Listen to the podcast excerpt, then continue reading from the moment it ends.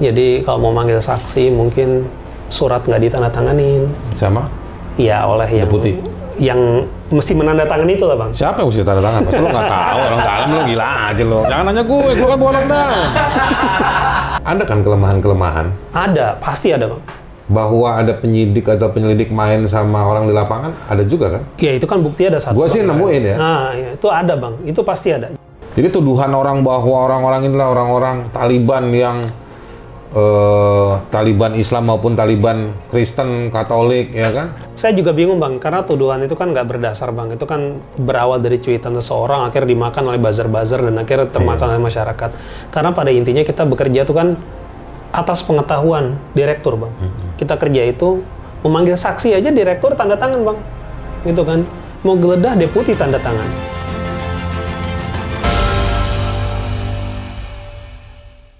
Halo orang-orang baik, kita ketemu lagi di Kenalpot. Karena ini acara Kenalpot, maka sponsor kita adalah pedagang pot. Nah, ini pedagang pot. Nih kan, nama nama potnya, pedagangnya uh, Potland Indonesia. Kalian bisa cari di IG. Outlet mereka ada di Geraha Bintaro. Eh, ini dibayar pakai sate kambing eh, dan janji-janji manis konsumsi lainnya yang kita belum terima. Tapi nggak apa-apa. Ini bantu teman, bantu teman. Kalau kamu juga mau iklan di tempat kita bisa ya, Om Tio ya. Gue lagi nanya nih sama produser gue, bisa ya? Eh, ini saya buka YouTube untuk berbagi ruang bersama-sama, terutama eh, rakyat bantu rakyat. Oke? Nah, kita lanjut lagi. Sekarang eh, Tino, wede, Eh, nama lengkap March Valentino. March Valentino, Valentino bulan Maret. Yes, Lahir bulan Maret ya. bulan Maret bang. Tino ini eh, satu di antara cover boy yang di mau disingkirkan oleh pimpinan KPK, ya kan? Beredar nih pernyataan. Ini sebetulnya Firly Bahuri boneka. Ada agenda setting di belakang ini semua. Lu yakin sama itu? Waduh, kalau agenda setting nggak tahu ya bang ya. Kalau saya merasa sebagai kroco mumet bang. Keroco mumet. Jadi Bagus nih selalu. Nah, kroco mumet bang. Jadi di situ apa yang diperintahkan kami kerjakan.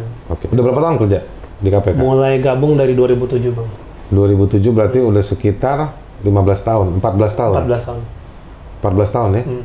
Sekarang di bagian apa? Penyidikan. Penyidikan. Ngurusin kasus apa aja?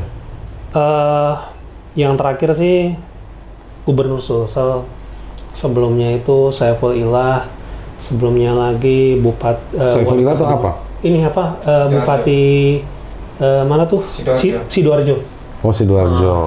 Terus? Terus sebelumnya lagi apa lagi? Banyak juga sih bang. Ada catatannya sih bang, kamu lihat bang. Buka dong. Itu orang partai semua tuh ya? Eh, nggak semua bang. Jadi ada yang partai, ada yang swasta. Nih, bentar. Udah bikin catatannya dia. Udah bikin catatan bang. Udah. CV. CV. ada Gubernur Sulsel, Bupati Sidoarjo, terus eh, Perindo dulu bukan partai, bukan partai Perindo ya, eh, Perikanan Indonesia, Risianto Suwanda, ada Bupati Solok, Wali Kota Dumai, Gubernur Zola dan kawan-kawan. Angelina Sondak nggak dulu? Enggak. Gue mau nanya Angelina Sondak gimana orangnya? Aduh, mana bang ya? Ini ngomong apa ini bang? Kasusnya atau Terus apa orangnya, lagi? Bang? Apa lagi? Eh, Gubernur Bengkulu, Bupati Klaten, Bupati Tanggamus, Suap DPR Wah, Komisi lu 5. susah lu ke daerah-daerah lu. Banyak Iya. orang daerah lu sikat. Bener bang. Iya, terus Ya terus. kita kan menjalankan tugas bang. Ada daerah itu nggak? Daerah mana tuh? Mana bang? Istrinya Firly Bahuri orang mana? Daerah mana? Ma- Magetan. Magetan, Magetan belum. Nggak ada kasus Magetan ya? Belum ada. Nggak ada. Terus apa lagi? Eh, terus Bupati Muba, Rumah Sakit Unut, terus apa lagi? Martin Diratome, Bupati Klaten. Wah lu penyidik ini ya, eh, penyidik sejati lu ya? gitu ya? Itu biasanya kerja penyidikan tuh gimana sih?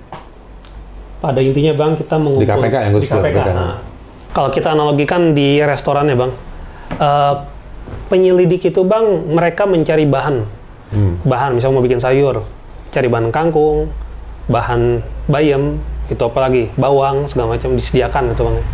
Nah terus bang eh, kami ini di Lu mana masak nasi goreng buat Ah, belum bang. Jadi penyidik itu bang, kita yang meramu bang itu bang. Kita Hmm. meramu itu makanan, meramu makanan. Supaya Kasusnya jadi kasus. barang jadi. Supaya dia- jadi barang jadi. Diambil sama JPU, Nah, JPU itu pelayan istilahnya bang. Ini ditampilkan ke pengadilan. pengadilan. Oke. Itu kan kasih ke customer bang ya. Iya. Jadi kita tuh bang yang meramu seberapa enak makanan kita bang. Bayam kah, nasi goreng kah, kita tuh yang meramu bang. Porsinya harus cocok. Porsi harus cocok. Terkadang memang eh, bahan bahan itu nggak lengkap yang diberikan oleh penyelidik bang. Jadi kami harus cari lagi gitu kan. Hmm. Oke. Wah ini kurang cabai nih, wah cari cabai lagi gitu bang. Oke. Nah, Nah. itu semua itu lu kerjain sendiri atau lu sebenarnya ada timnya, pimpinan tahu, bagian ini tahu, segala gitu. macam. Untuk kegiatan bang, pada intinya di penyidikan tuh bang kita bekerja berdasarkan surat, baik itu surat perintah penyidikan, surat tugas, Itu macam. artinya ada level-level struktural atasan-atasan. Ada bang, ada bang. Jadi Baik di zaman Firly maupun di zaman-zaman sebelumnya. sama. Oke. Jadi kita tuh kalau kerja bang, itu atas pengetahuan direktur bang. Nah sekarang gini, lu kerja begitu banyak kasus. Kasus-kasus itu kan dijadikan catatan keberhasilan KPK kan? Hmm, Betul nggak? kurang lebih begitu bang. Termasuk sampai zamannya Firly Bahuri dan kawan-kawan. Hmm. Kan nggak fair dong, lu mengerjakan banyak hal yang dianggap sebagai capaian buat KPK, tapi kenapa pimpinan-pimpinan KPK-nya justru malah nyingkirin lu? Kalau itu bang, Apa lu pernah ngomong muncrat depan Firly? oke itu bang, saya juga kurang begitu paham ya. Eh, di satu sisi kita Muka lu orang baik-baik lagi. Di satu sisi kita ngerjain tugas bang sesuai dengan prosedur, sesuai dengan SOP, dengan undang-undang, atas pengetahuan atasan.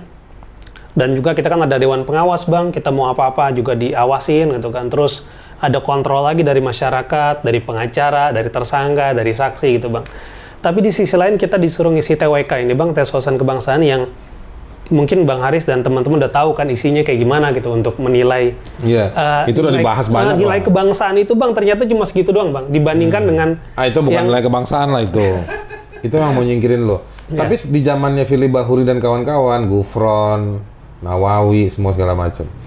Lo merasa kerja penyidikan lo ber- berbeda nggak dibandingin zaman-zaman sebelumnya?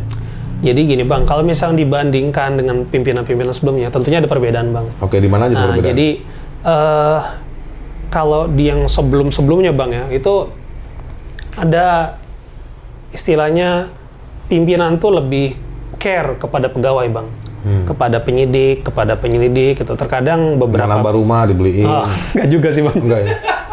Jadi eh, bukan maksudnya intervensi, tapi menanyakan gitu bang. Kalau mau turun ke bawah ngobrol dengan pegawai segala macam, dan itu jarang kita dapatkan. Sekarang Sekarang sekarang ini jarang bang. Sekarang juga kan di KPK Ke mana emang? Gufron ke mana dia? entahlah bang. Jadi Nggak pernah ngobrol sama Gufron? saya bang sebagai penyidik itu bertemu dengan pimpinan biasa dalam rapat ekspos saja bang. Hmm. Kalau lain-lain itu? Lain-lain enggak? eh, Jadi kita tuh- Lili, Lili? Enggak juga. Enggak. Enggak. Terus si Alex? Jarang. Alex Enggak, kan Bang. juga bagian dari pimpinan yang lalu. Iya bener bang. Tapi di zaman yang dulu dia nggak ngobrol sama orang juga. Kalau sama saya enggak bang.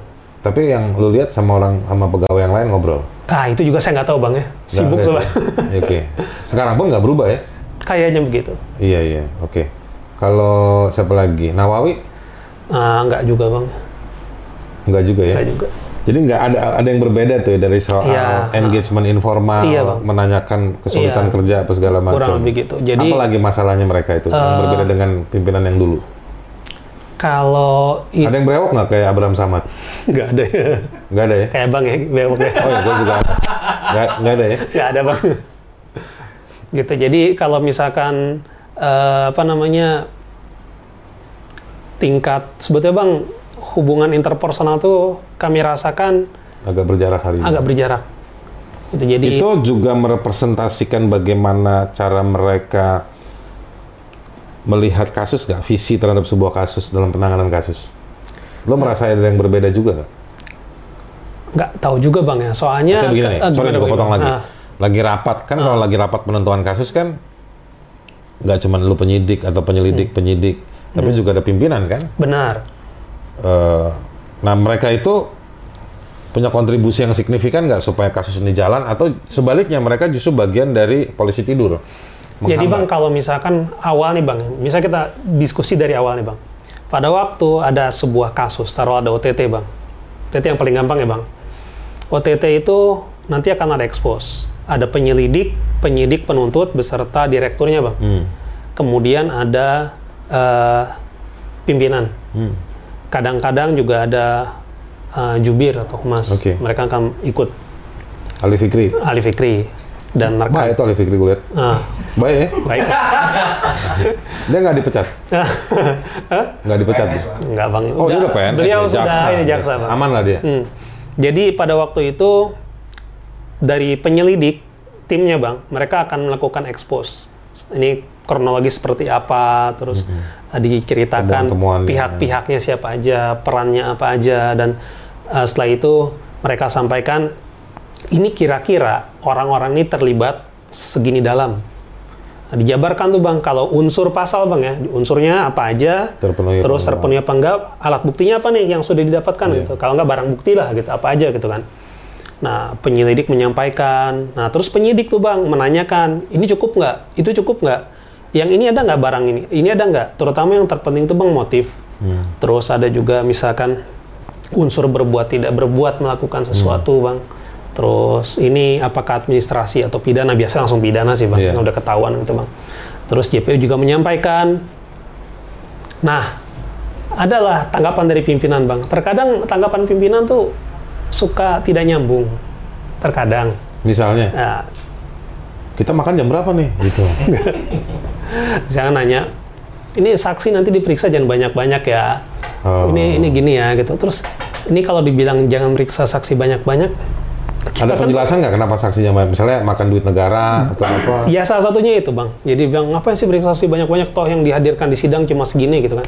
Tapi kan terkadang kita tuh meriksa saksi ini untuk dapatkan saksi ini untuk dapatkan saksi ini Nggak dapat saksi nggak dan bisa nah, ini nggak bisa langsung dan akhirnya dapat deng gitu loh. Ini intinya gitu.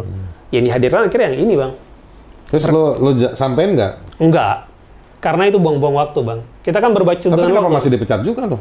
Ya, Entahlah. Udah banyak-banyak begini.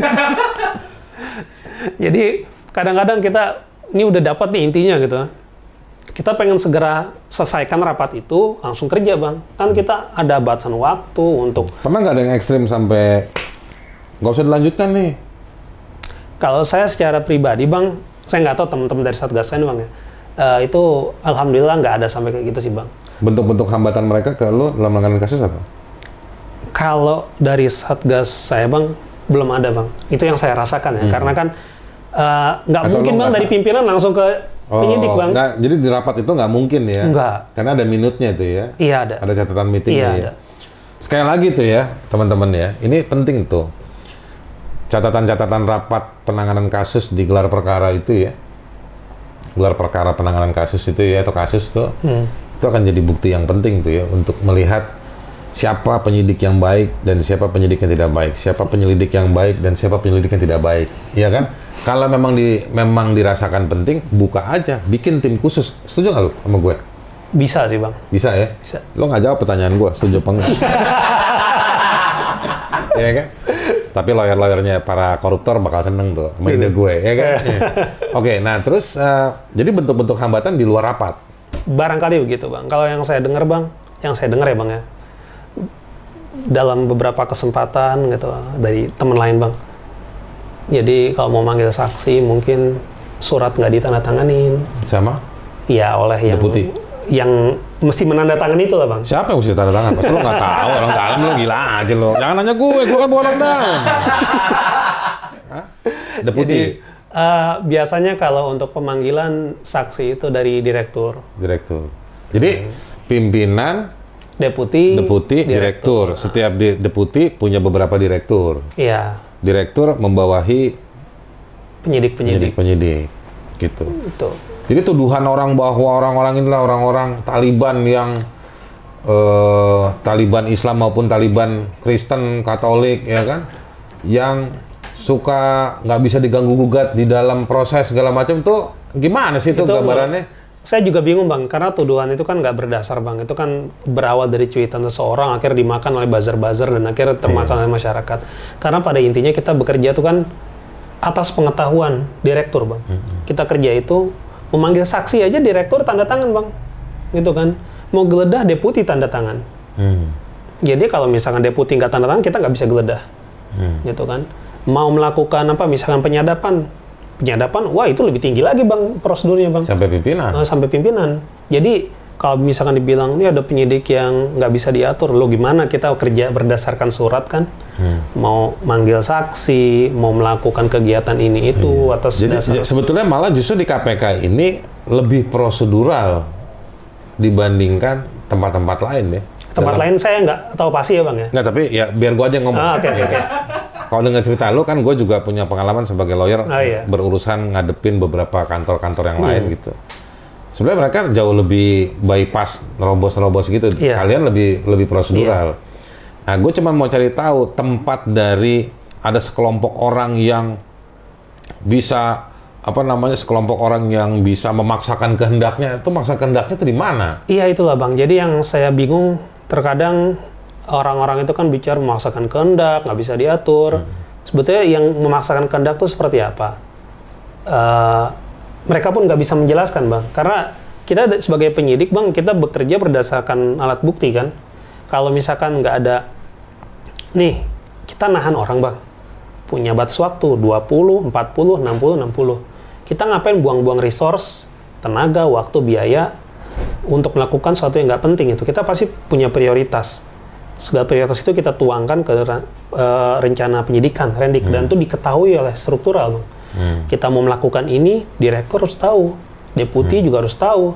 Nah, kita mau melakukan sesuatu itu kita memang persisten bang. Mau nyari alat bukti nyari saksi gitu kan. Kita memang mesti ngotot. Kenapa? Iya. kalau nggak ngotot itu ya pasti nggak kekejar waktunya bang. Iya, benar. kita nyari alat bukti kan kayak orang bukan kayak apa ya eh, nyari belanja di toko swalayan enggak tempatnya jauh-jauh barangnya kadang nggak jelas kadang kita juga nggak tahu apa yang mesti kita cari gitu Lu kan sebagai penyidik pernah akhirnya nemuin jin supaya dapat bukti gitu? enggak ya Enggak ya? Gua kan kemarin lagi rame tuh babi ngepet tapi sekarang. Enggak, terus gini. Gua mau nanya soal tadi tuh. Jadi peran-peran menghadang kasus itu bukan di rapat. Bukan bang Nah, terus modusnya gimana Nah, tuh? ya saya kurang tahu karena saya kan belum pernah Kan lo kerja nih nemuin kasus, tiba-tiba nggak jalan-jalan, nggak ditanda tangan surat. Itu cerita teman-teman bang. Kalau saya alhamdulillah Ya udah, teman-teman cerita ke lu gimana? Iya kayak begitu. Ya kayak begitu. Jadi apa namanya dengar dari teman manggil ini nggak ditanda tangani, manggil itu nggak ditanda tangani gitu kan. Jadi ya Belakangan sering tuh kayak gitu ya. iya kayaknya. Pulpennya habis apa apa? Ya mungkin apa ya bang ya. Dan harusnya deputi direktur itu harusnya standby person kan di office, di Iya, kantor iya. harus standby kan. Ya. Tapi mereka nggak mau tanda tangan. Saya nggak tahu bang apa mungkin keselip atau mungkin sengaja ditinggal. Atau kalian nulisnya pakai bahasa Rusia, barangkali ya bang. mereka nggak ngerti. Tapi itu ada kejadian-kejadian kayak begitu Iya, ya. ada. Dan itu ada dampaknya ya. Mau jelas sih bang. Kalau Dampaknya dari misalnya orangnya jadi kabur, iya salah satu. atau misalnya mengulangi kejahatannya. Jadi kalau misalkan kita telat melakukan sesuatu bang, taruhlah penggeledahan bang, berarti kan kita memberikan mereka kesempatan waktu untuk bersih bersih. Catatan lo dalam kasus Nurdin Abdullah nih yang terakhir, kan lo ikut kan? Lo sampai ke Makassar juga, Iya, makan coto. nggak sempet bang. Wah sih, bener nih, penyidik bener nih, ya kan? Jadi orang-orang di Makassar, tolong kirimin coto Makassar ke dia. Yang dekat pelabuhan enak tuh. nah, eh, hambatan-hambatan apa yang terjadi di kasus Nurdin Abdullah? Alhamdulillah sih bang kalau di kasus Nurdin Abdullah lancar-lancar bang ya, itu lancar memang. Jadi paling hambatan kemarin ya sifatnya epidemik aja bang, Nggak yang di dalam dari, dari dalam KPK sendiri? nggak ada bang. Kalau Nurdin Abdullah lancar. takut lo. Beneran bang, Lo masih berharap direkrut menteri. beneran bang. Kalau Nurdin Abdullah lancar, makanya saya bilang kan kasus yang saya, saya tangani ini bang ya, kebanyakan kasus-kasus luar kota yang sebetulnya eh, pusat perhatian itu cuma sifatnya lokal Oke. dan nggak terlalu politis. Jadi saya punya teman bilang ini, emang enakan ngerjain kasus itu yang sifatnya lokal, wali kota, bupati yang nggak nggak terlalu terseret arus kekuasaan pusat. Begitu terseret pusat gitu kan, itu hambatan, tekanan atau mungkin pengaruh-pengaruh itu mesti ada. Tapi kan orang yang yang punya kasus pasti cari titik backup di tingkatan pusat. Terlalu jauh bang. Ya memang terlalu jauh, tapi itu cost productionnya mereka yang mereka pasti kerjakan. Gitu ya. Saya Saya pertanyaan gue begini deh, terakhir nih, ya kan? Kenapa lu sampai disingkirin? Salah gaul? Tadi salah ngomong sama Philip pakai muncrat? itulah bang yang saya juga bingung bang begitu tahu. Jadi waktu sebelum Lebaran dapat lagi beli baju Iya, buat lu pada anak-anak ngeganggu gitu. kita kita aja. Begitu. Udah mau lebaran tiba-tiba lagi, rame lagi, di Isu 75. lagi beli baju Lebaran buat anak bang ya. Dapat kabar dari senior.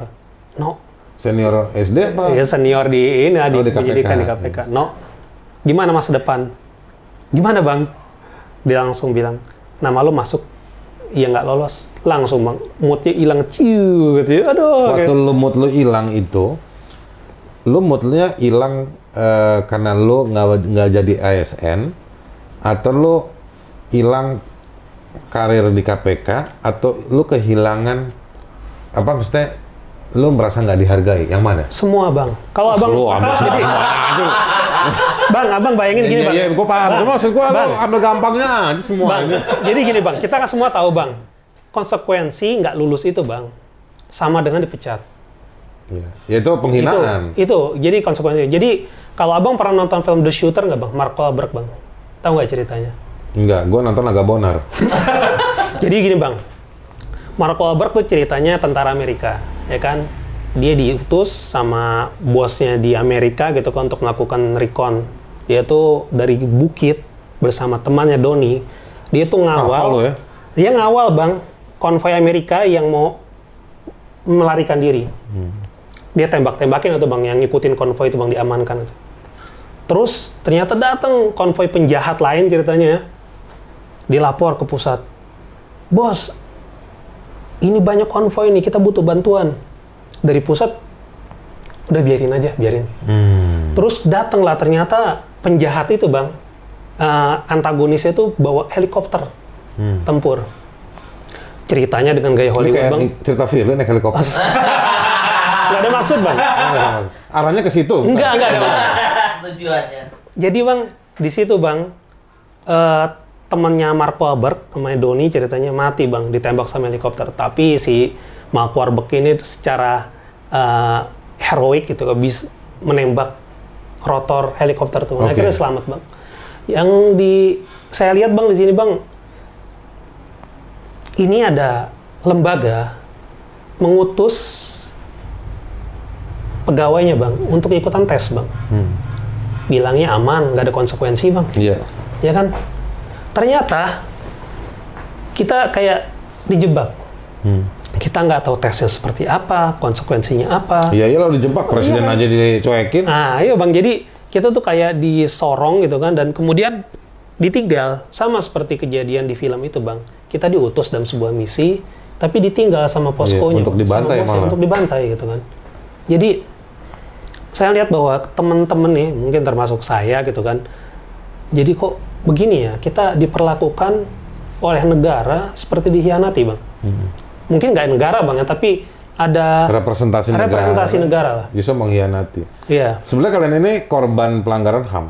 Oh gitu bang ya. Jadi ASN itu banyak kan orang suka melihat bahwa pelanggaran HAM itu bahwa negara lewat aparaturnya melakukan pelanggaran tindakan yang berakibat hilangnya hak warga negara. Hmm.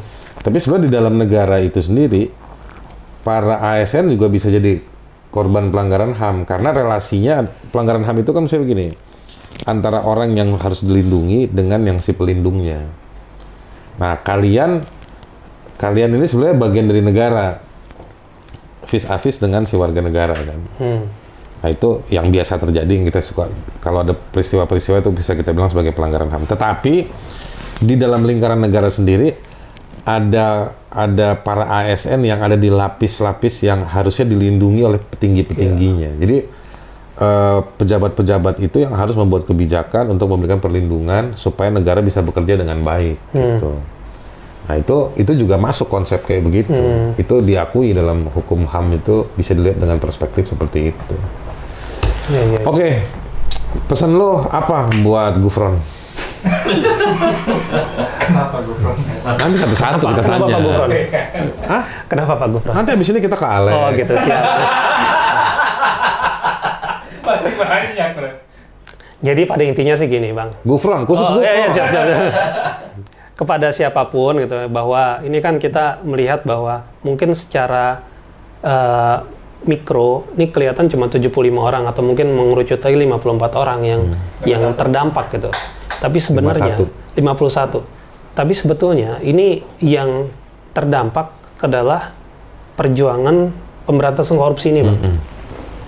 Di mana pada saat itu seperti Mark Wahlberg gitu kan, dia dihianati oleh negaranya, Bang. Padahal dia punya misi untuk melindungi gitu, Bang. Tapi menurut lo, sorry gue potong, KPK itu ada kan kelemahan-kelemahan? Ada, pasti ada, Bang. Bahwa ada penyidik atau penyelidik main sama orang di lapangan, ada juga kan? Ya itu kan bukti ada satu. Gue sih nemuin ya. Nah, ya, itu ada, Bang. Itu pasti ada. Jadi memang nggak serta merta Tapi salah bi- salah sasaran kan? Artinya salah metode. barangkali Dan- begitu. Enggak, gini opini gue nih ya. Hmm. Gue ketemu tuh beberapa nama orang suka nelpon, ya kadang-kadang sebulan tuh ada sekali ada yang kasih info apa segala macam. Ya mungkin dia tahu bahwa gue punya temen orang KPK gitu ya. Eh kasih tahu tuh nih si ini eh punya jabatan lagi ya. Gue nggak perlu sebutin lah. Ini nelpon si ini atau gue sendiri nih, gue sendiri nih, gue lagi nanganin satu kasus yang ada urusan soal tanah lah gitu. Terus ada pejabat KPK yang nelpon ke pejabat soal tanahnya gitu. Dalam rangka mau kasih tahu nih backingan gue nih gitu-gitu. Hmm, iya, iya. Si musuh gue atau orang yang lagi gue urus kasus yang ngelawan dia gitu. Nah artinya begini gue mau bilang, ini juga buat teman-teman ya. eh, dalam KPK ada masalah. Tetapi eh, dan masalah itu melekat pada sejumlah orang. Tapi justru metode yang digunakan dan orang-orang yang kena akibat atau dampak buruk dari metode tersebut justru salah semua nih, Hmm. ya kan? Gitu. Dan kita nggak bicarakan soal soal ya setiap orang pasti punya kesalahan. Kalau dalam bahasa agama setiap orang punya dosa nggak sempurna gitu. Tapi kan ketidaksempurnaan itu tidak ada kaitannya dengan tugas-tugasnya sebagai pekerja di KPK. kan? Betul nggak? Iya, iya, Lu nggak paham nggak sih gue ngomong? Iya, iya, Bang. Eh, bang, bang, mata saya kosong ya, Bang? Iya. Takutnya lu lagi mikirin SK lu apa gimana? Tapi uh, kira-kira begitu. Oke, sekarang buat Alex, Lili apa? Satu, satu, satu nih, Bang. Kali aja lu punya sebetulnya alam lu punya back mind lu yang Jadi kalau cerita-cerita Bang ya bahwa dari 50, 70 itu Bang, mereka punya keluarga termasuk saya Bang. Punya bapak, ibu, anak. Ya, gua pernah ngobrol juga eh, orang-orang yang yang kita tanggung gitu. Bukan maksudnya untuk menyebutkan kebaikan Bang, tapi eh, kita memang punya tanggung jawab. Dengan berakhirnya kita di KPK itu berarti kan juga eh, secara otomatis nggak ada pekerjaan. Soal HAM lagi? Soal HAM lagi Bang. Hak atas pekerjaan. Nah iya. Jadi mesti di- Jokowi mencipta uh, apa negara ya. Hmm. Kalau Jokowi nggak ngambil tindakan tegas, Jokowi sedang membiarkan adanya apa Pelanggaran. pelanggaran hak Pelanggaran atas, HAM, ke, iya. atas pekerjaan. Bisa. Tapi dari situ bang, kita ngelihat bang, kan nggak semuanya penyidik bang.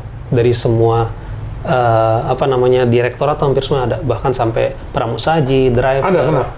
Konon katanya ada pramusaji bang, ada ada driver dari security yang Hmm. yang apa namanya kena TWK ini dan calon dipecat bang. Bayangkan kalau misalkan mereka merasa sebagai orang terzolimi dan mereka orang terzolimi nih bang. Iya, iya. Ya kan orang Gua terzolimi ya. paham. Dan orang terzolimi itu mungkin eh, yang dilupakan oleh pimpinan atau pem- pemegang kebijakan, Bang. Doa mereka, Bang. Oh, itu ada lebih hijab, dekat. Bang. Iya. Nggak ada hijab. Mereka lebih lu juga terzolimi, Bos. lu doain lah gua juga ya. Ah, gitu. Jadi kalau di film The Shooter itu bang, dengan heroiknya Mark Wahlberg tuh bisa ngejar tuh bang siapa yang mengkhianati dia bang sampai mati semua. Tapi di dunia nyata kan nggak kayak gitu bang. Dia dia berdoa? Hah? Kenapa? Mungkin ini ya hatinya dia itu. Oh ya. iya. Nah cuma kan kalau di dunia nyata kayak gini bang, kita nggak mampu bang membalas karena kita nggak tahu juga Bisa siapa yang bermain. bisa lu cuman lu diam-diam aja lu nggak mau cerita lu. Tapi yang perlu dipastikan adalah doa-doa orang terzalimi dia yang pasti nyampe bang. Sekarang gue mau nanya sama lu. Iya. Terakhir nih, pertanyaan terakhir. nih, iya, iya. pertanyaan terakhir. Oke ya. Ini gue pernah nanya pertanyaan kayak gini serupa ke Usman Hamid. Tahu Usman Hamid nggak? Tahu bang? Usman Hamid waktu dia mau jadi ketua senat. Kita kan lu satu fakultas. Uh, udah Iya lama kan? banget dong. Enggak baru dua tahun lalu, ya kan? Senat apa ini? Fakultas Hukum. Nah, kan gue nanya lagi sama lo nih. Kalau lo lagi di tengah hutan di atas gunung, lo sendirian, tengah malam, ya kan?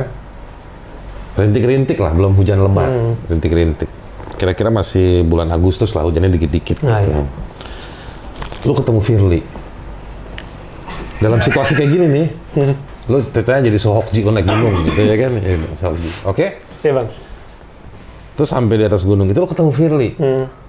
Bahuri, Firly Bahuri, ketua KPK, Ya. ya kan? Ketemu dia. Tapi di saat bersamaan ada singa lapar. Hmm. Apa yang akan lo lakukan? Naik pohon lah, Bang. Lo cuekin Firly. Iya, kita menyelamatkan diri masing Begitu ya? Iya, Bang. Lah, Bang, analoginya gitu sih, kagak enak. iya. Gitu ya? Jadi lo cari pohon. Iya, Bang, naik pohon, Bang. Bisa lo naik pohon. Bisa, Bang.